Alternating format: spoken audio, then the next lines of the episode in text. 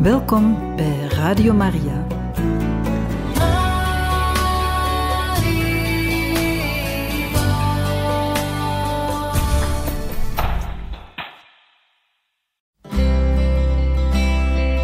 Welkom bij Boekat, een programma van Radio Maria.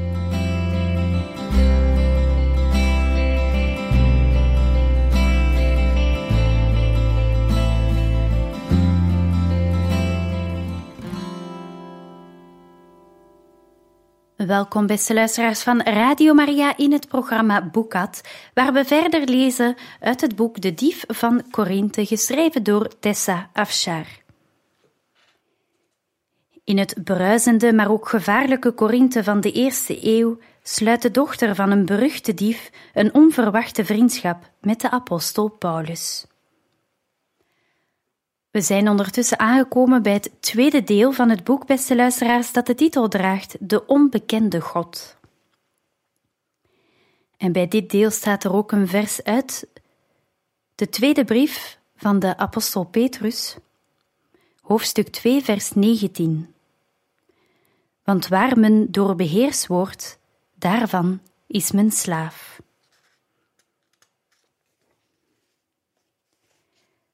Hoofdstuk 11 Ik wachtte tot de middag voordat ik Delia vroeg me te helpen met de splinters, die diep onder mijn huid vastzaten. Als ze me vroeg in de ochtend in deze staat had gevonden, had ik geen verklaring kunnen geven zonder te onthullen dat ik midden in de nacht mijn bed uit was gegaan. Na het middagmaal sloop ik het huis uit en koelde mijn hielen een uur lang in het landje achter ons huis.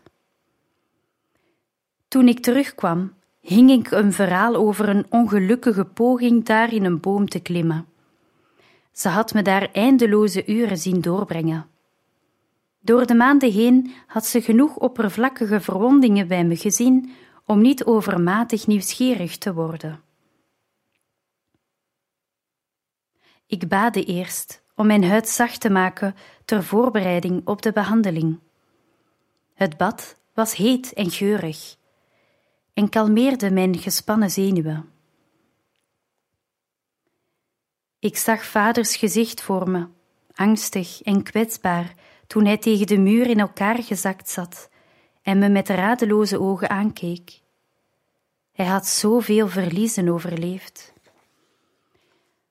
Eerst toen moeder van hem was gescheiden en zijn kinderen had meegenomen, en weer toen hij gedwongen werd om van Dionysius gescheiden te leven. Zou hij nu ook zijn huis, zijn bezit en zijn aanzien voor de wereld verliezen?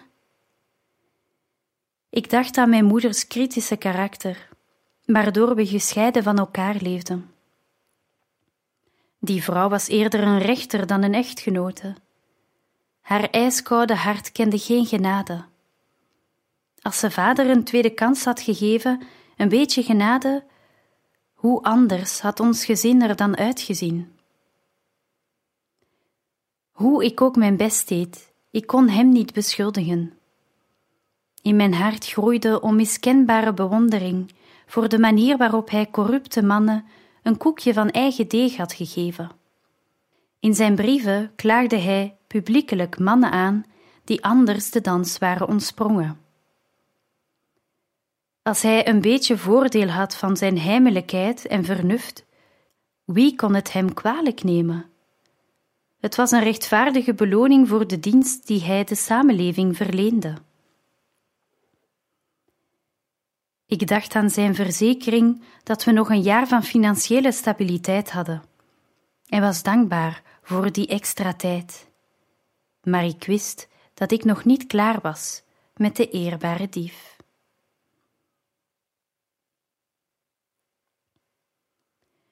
De volgende dag stuurde Justus een bediende naar ons huis om ons op de hoogte te stellen van het overlijden van zijn vader.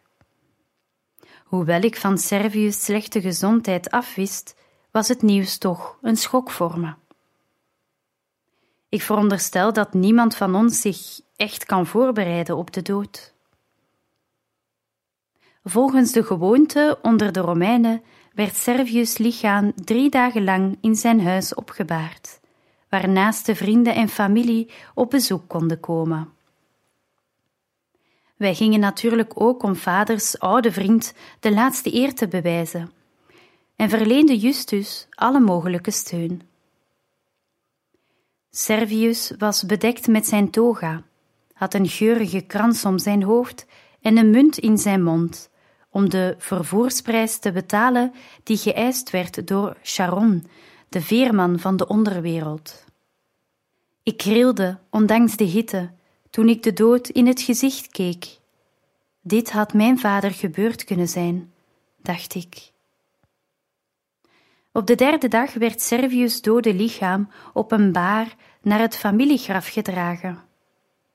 Justus, die een dikke zwarte tunica droeg en zijn haar kort geknipt had vanwege de rouw, liep vooraan in de stoet.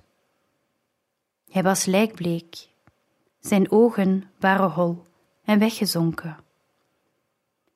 Met een wanhoop die me schokte, wilde ik hem in mijn armen houden en troost brengen aan die gekwelde ogen. Het was mijn eerste echte ervaring met de dood en zijn onherroepelijkheid. Ik vond geen steun in de woorden van de priesters of in de verhalen van ons volk. Had de wereld in het aangezicht van zo'n groot verlies niet meer troost te bieden dan banaliteiten? Het had al maanden niet geregend, de aarde was kurkdroog. Zelfs de groen blijvende bomen hadden hun kleur verloren en de wereld was in grijs gehuld. Toen we thuis kwamen, stortte ik neer op een bank in de eetkamer tegenover vader, terwijl Theo heen en weer liep als een gekooide panter. Ik voelde me uitgeput en slaperig. Ik zag Justus voor me, gehuld in het zwart van zijn rouwkleding, de schouders gebogen van verdriet. Ik had zin om in huilen uit te barsten. Alsof hij mijn gedachten kon lezen, zei vader: Justus draagt een zwaar verlies, naast het verdriet om het verlies van een geliefde vader. Hij is nu alleen. Hij heeft geen andere familie in Korinthe. Ik weet dat zijn moeder een bevrijde slavin was, maar waar is Servius' familie? vroeg ik. Servius is geboren in Rome. Hij genoot aanzienlijke rijkdom en had vorstelijke connecties. Totdat hij verliefd werd op Parmis, een Perzische slavin die zelf geen familie of relaties had. Ze was in de verste verte niet wat zijn familie gewenst achtte. Maar de Romeinen lieten zo vaak slaven vrij. Zelden als het edellieden zijn. Hoe dan ook, Servius' vader vond de verhouding bezwaarlijk en dreigde hem te onterven. Daardoor liet Servius zich echter niet op andere gedachten brengen. Hij was dol op Parmis na de bruiloft hield Servius' vader zich aan zijn dreigement en verstootte hem. Hij had nog drie zoons. Ik veronderstel dat hij meende het zich wel te kunnen permitteren om er eentje te verliezen. Wat een dwaas, zei Theo op bittere toon. Wat voor man behandelt zijn zoon nu als vuilnis, waar je je van kunt ontdoen als het je uitkomt? Vader keek Theo lang aan.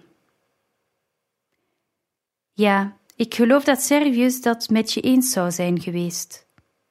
Ik weet niet of hij hoopt heeft gekoesterd op een herinnering met zijn familie, maar het is er nooit van gekomen.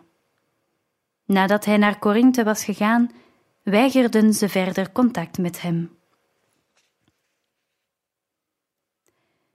Waarom heeft hij zich in Korinthe gevestigd?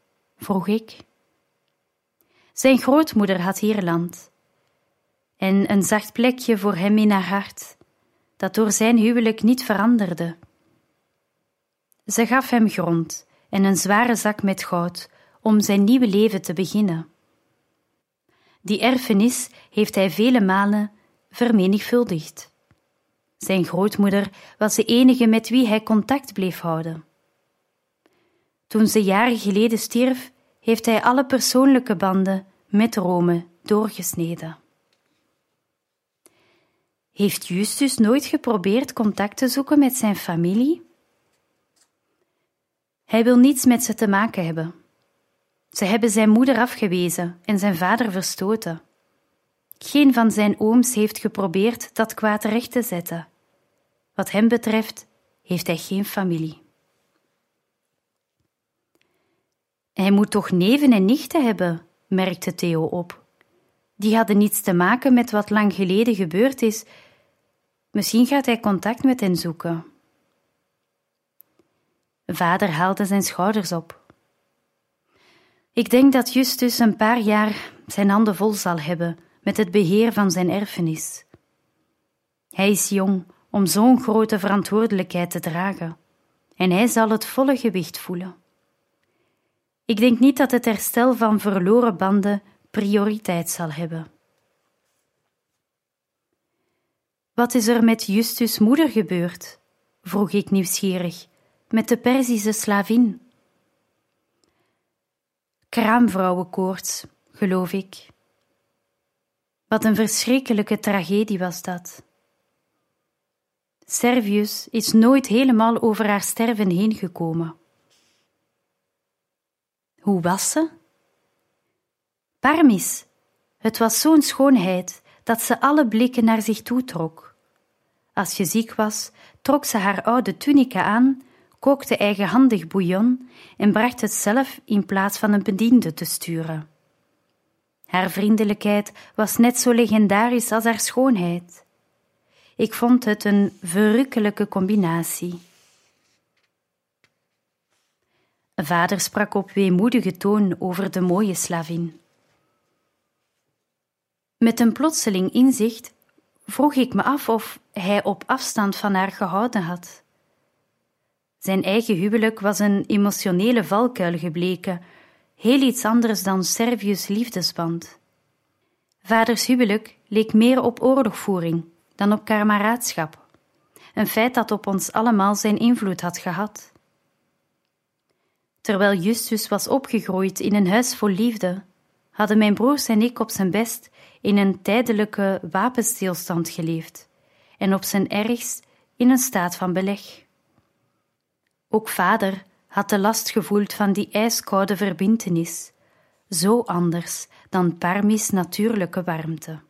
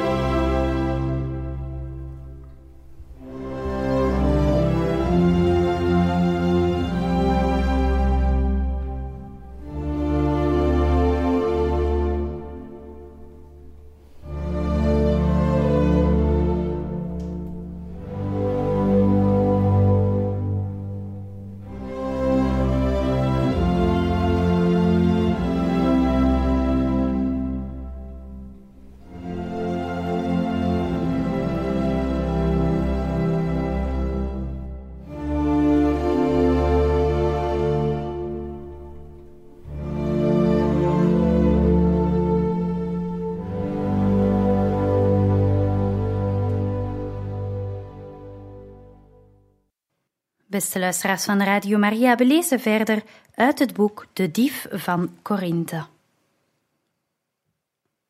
De iets spelen vonden halverwege de lente plaats, als het weer ons gewoonlijk verwende met warme, zonnige dagen. Dit jaar echter vielen de spelen samen met ongebruikelijk zwaar regenval. Tegen de tijd dat het festival met een trompetstoot begon, was de zondvloed gestopt maar het veld was veranderd in een glibberig modderbad. De onrustige menigte zweeg, terwijl de wijdingsceremonie aan Poseidon, de officiële beschermheilige van de Spelen, plaatsvond. Juventus Proclus, de president van de Spelen van dat jaar, kwam naar voren. Hij was gehuld in een schitterende witte toga en stak zijn armen op om alle ogen naar zich toe te trekken. Met een voorzichtige beweging trok Proclus de punt van de toga over zijn kalende hoofd. Dit was een teken. Romeinse mannen bedekten nooit hun hoofd in het openbaar, behalve als ze op het punt stonden een godsdienstige handeling uit te voeren. Door zijn hoofd te bedekken met zijn toga demonstreerde een man dat hij, zijn hoge aanzien onder de mensen ten spijt, ondergeschikt was aan de goden. En Proclus wilde alle aanwezigen laten weten dat hij een belangrijke man was, degene aan wie de taak om goede wensen voor de Spelen uit te spreken was toevertrouwd. Hij rekte het offer en de gebeden zo lang dat ik haast instortte van uitputting voordat de plechtigheden afgelopen waren. De openluchtarena werd omringd door een dichte horde van mensen. De rijke inwoners zaten op leren vouwstoelen en genoten de bescherming van een parasol, die hun slaven voor zonsopgang hadden geïnstalleerd. De meerderheid van de toeschouwers stond gewoon om de arena heen zich te verdringen om alles goed te kunnen zien. Na de verwoesting van onze stad, 200 jaar geleden, waren de Isthmische Spelen verplaatst naar Sicyon. Tien jaar geleden had Corinthe de Spelen eindelijk weer opgeëist en sindsdien was de populariteit ervan met sprongen gestegen. Een kwestie van eerherstel. En ieder van ons die deelnam aan de wedstrijden droeg een klein deel van die trots. Als we ons best deden om deelnemers uit andere stadstaten in Grecia te verslaan. Op de eerste dag, die gewijd was aan de wagenrennen, de meest prestigieuze en de populairste van de spelen, hoefde ik geen wedstrijd te spelen. Maar Theo wel. Hij deed mee aan de rennen met Justus paarden en strijdwagen. Bezorgd bekeek ik de staat van de arena en ik hoopte dat ze het evenement zouden uitstellen tot de volgende dag om het parcours te laten drogen. Wagenrennen waren onder de beste omstandigheden al gevaarlijk. Maar de verraderlijke toestand van het parcours maakte de situatie nu levensgevaarlijk. Maar helaas, als de rennen één dag werden opgeschoven, moesten alle wedstrijden worden uitgesteld. Veel atleten en toeschouwers hadden een lange reis gemaakt en konden het zich niet permitteren om een dag extra in onze stad te blijven. Uiteindelijk besloot de president de Spelen volgens het gebruikelijk programma te houden en de toeschouwers stroomden toe voor de beroemde race voor wagens met vier paarden. Vader en ik namen onze plaatsen in aan de rand van het parcours. Sprakeloos van ongerustheid zagen we hoe diep de modder was. Justus voegde zich bij ons om Theo te helpen de paarden in te spannen. De combinaties stelden zich op de hun toegewezen plaatsen op. Heeft Theo vannacht bij jou geslapen? vroeg ik Justus. Ik had hem smiddags weg zien glippen. Hij was niet meer thuisgekomen. Een spiertje trok in Justus' kaak. Een van de paarden had koliek. Hij is er vannacht bijgebleven. Mijn mond viel open. Gaat hij door deze modder racen met een ziek paard? Justus keek me met half geloken ogen aan. Ik vertrouw op zijn oordeel. Doe jij dat ook maar. Bij de allereerste bocht kantelde een strijdwagen. De menner werd verpletterd onder het gewicht ervan. We hadden nog nooit zoveel ongelukken bij de rennen gezien. Kreupele paarden, gebroken assen, menners die van de wagen de lucht in werden geslingerd en in de gapende menigte tuimelden. Bocht na bocht eiste de race een bloedige prijs. Theo hield een gestaag tempo aan. Met de lenigheid van een dolfijn ontweek hij gewonde paarden en omgekeerde strijdwagens. Bij de zevende bocht begon hij voor te lopen. Met bedriegelijk gemak haalde hij de ene strijdwagen na de andere in. Hij drong door onmogelijke smalle openingen. Vader schreeuwde zich schor toen een Atheense wagenmenner, die Theo niet wilde laten passeren, op zijn weg zwenkte en zijn van dodelijke punten voorziene wielen richtte op de witte strijdwagen waar Justus beroemd mee was geworden. Met een behendige wending ontweek Theo de val van de Athener en scheurde door. Een combinatie uit Delphi glipte als een paling langs Theo heen en nam de tweede plaats in achter een Spartaanse menner. We naderden nu de tiende etappe. De spanning in de menigte was om te snijden. Met een combinatie van intuïtieve vaardigheid en puur roekeloze moed dreef Theo zijn span naar voren en passeerde de combinatie uit Delphi. Hij bleef vastzitten op de tweede plaats en slaagde er niet in de Spartaan in te halen.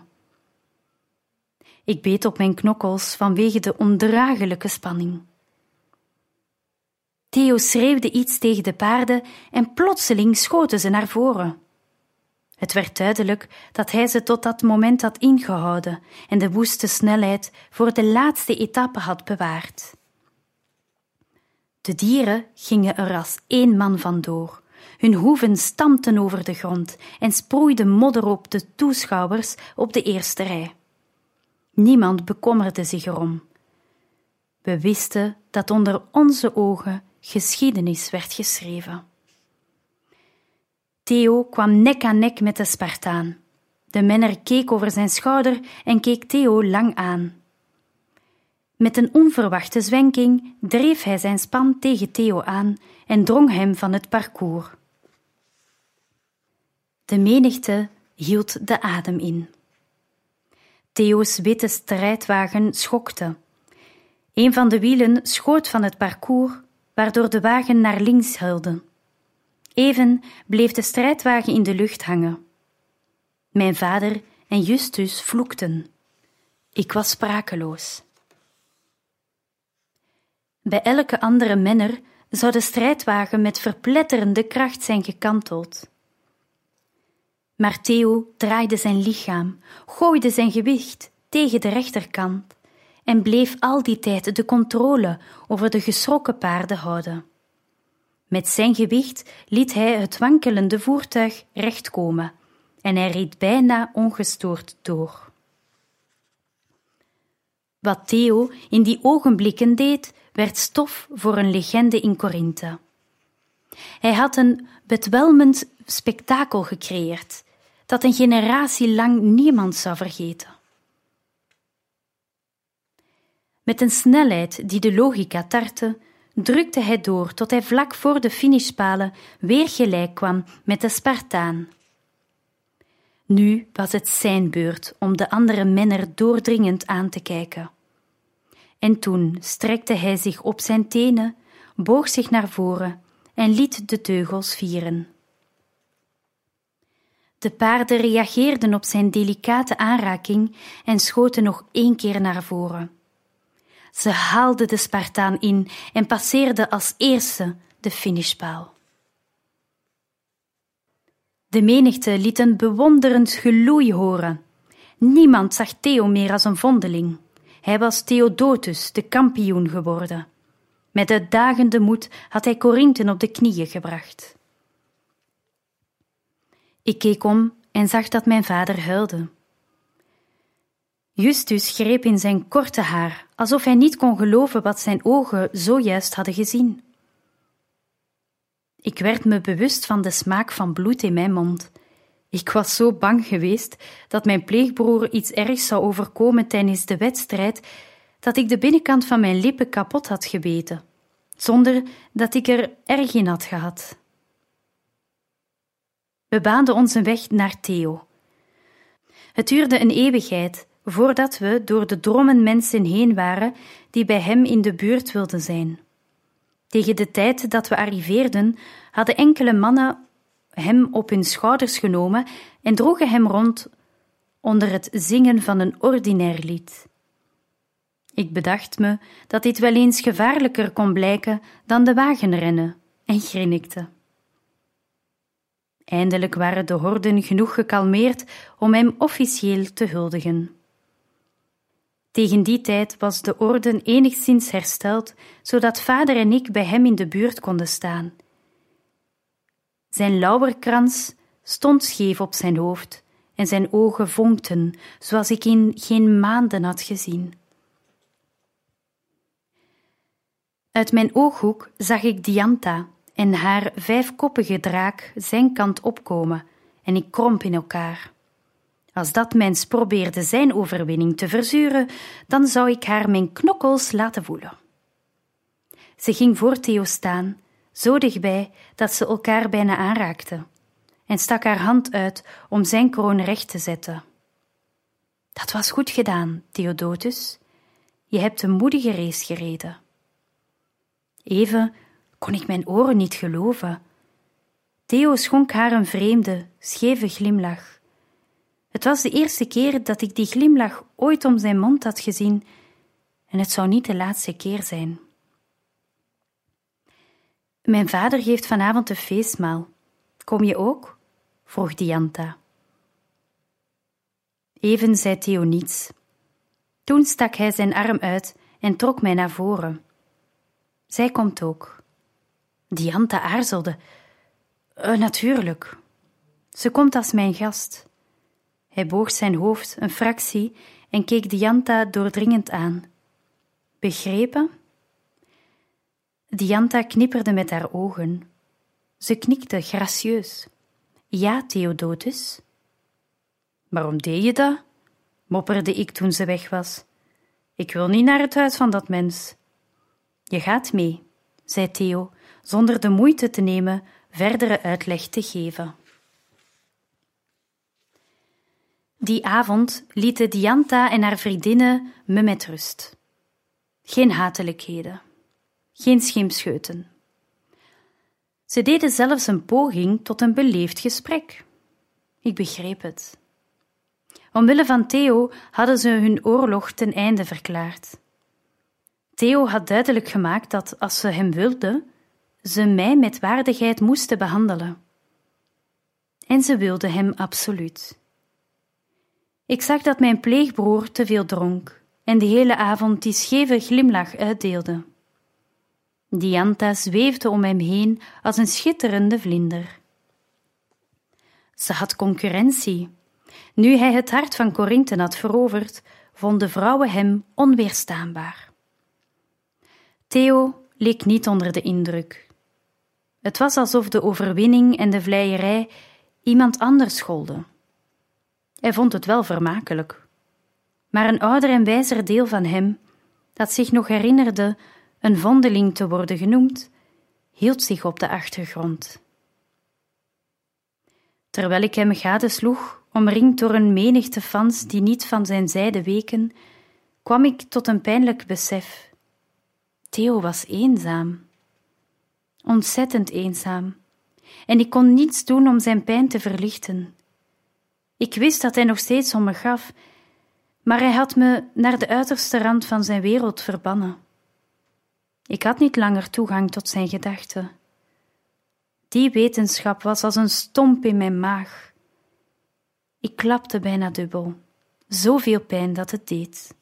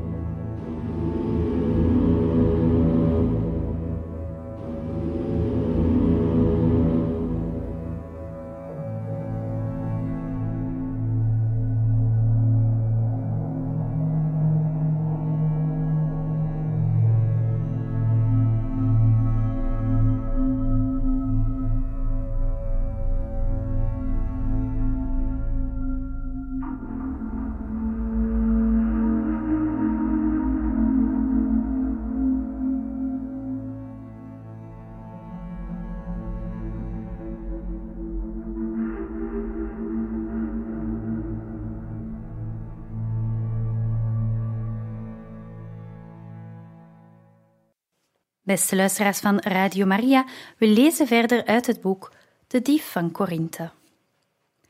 Op de ochtend van de hardloopwedstrijden werd ik wakker met een pijnlijke keel en een bonzend hoofd dat de komst van ergere pijn voorspelde.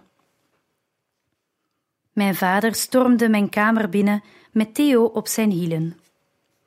Ben je klaar voor je debuut in de annalen van de geschiedenis van Korinthe?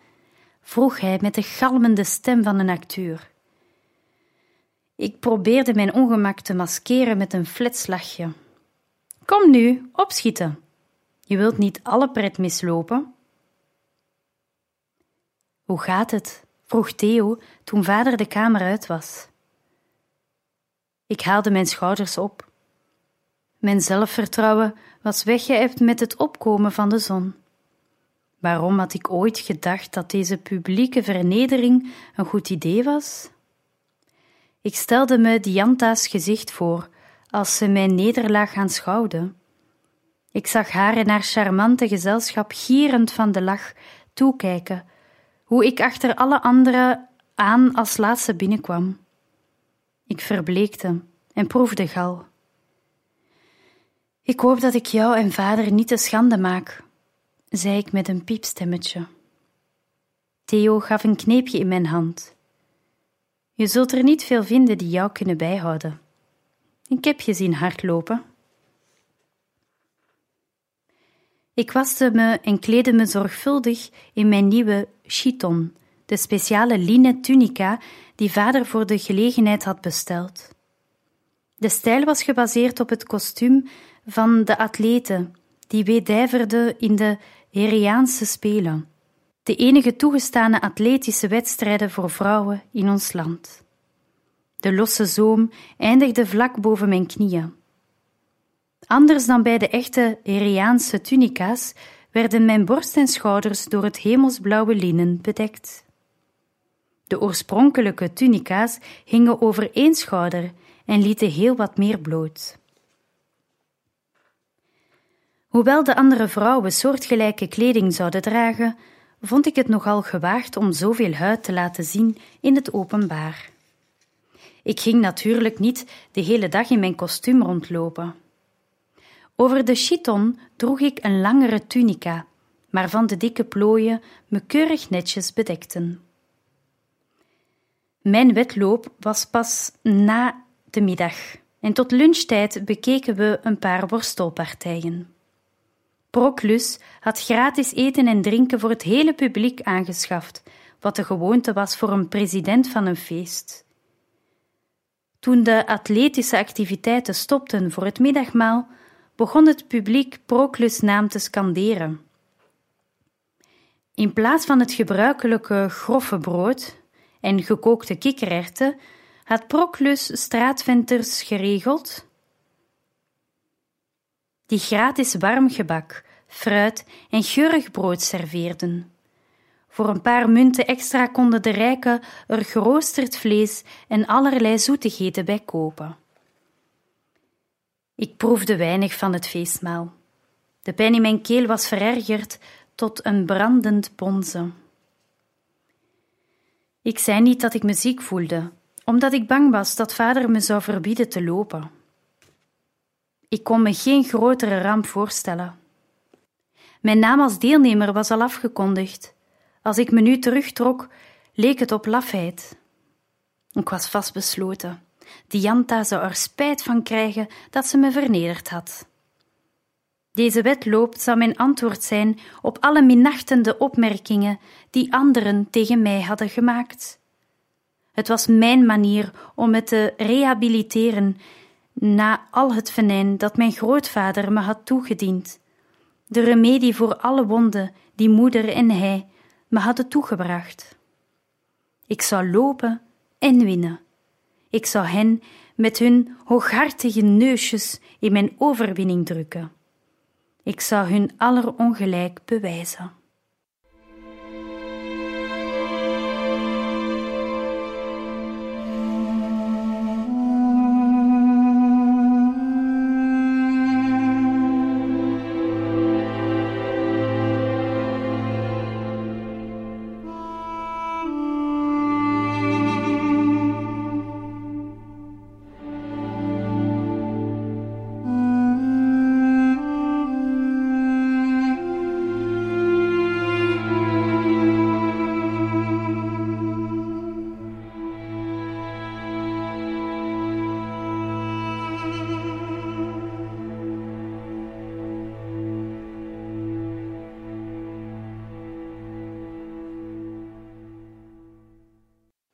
Beste luisteraars van Radio Maria, we zijn aan het einde gekomen van deze aflevering van het programma Boekat, waar we gelezen hebben uit het boek De Dief van Korinthe, een boek van Tessa Afshar. Tot de volgende keer.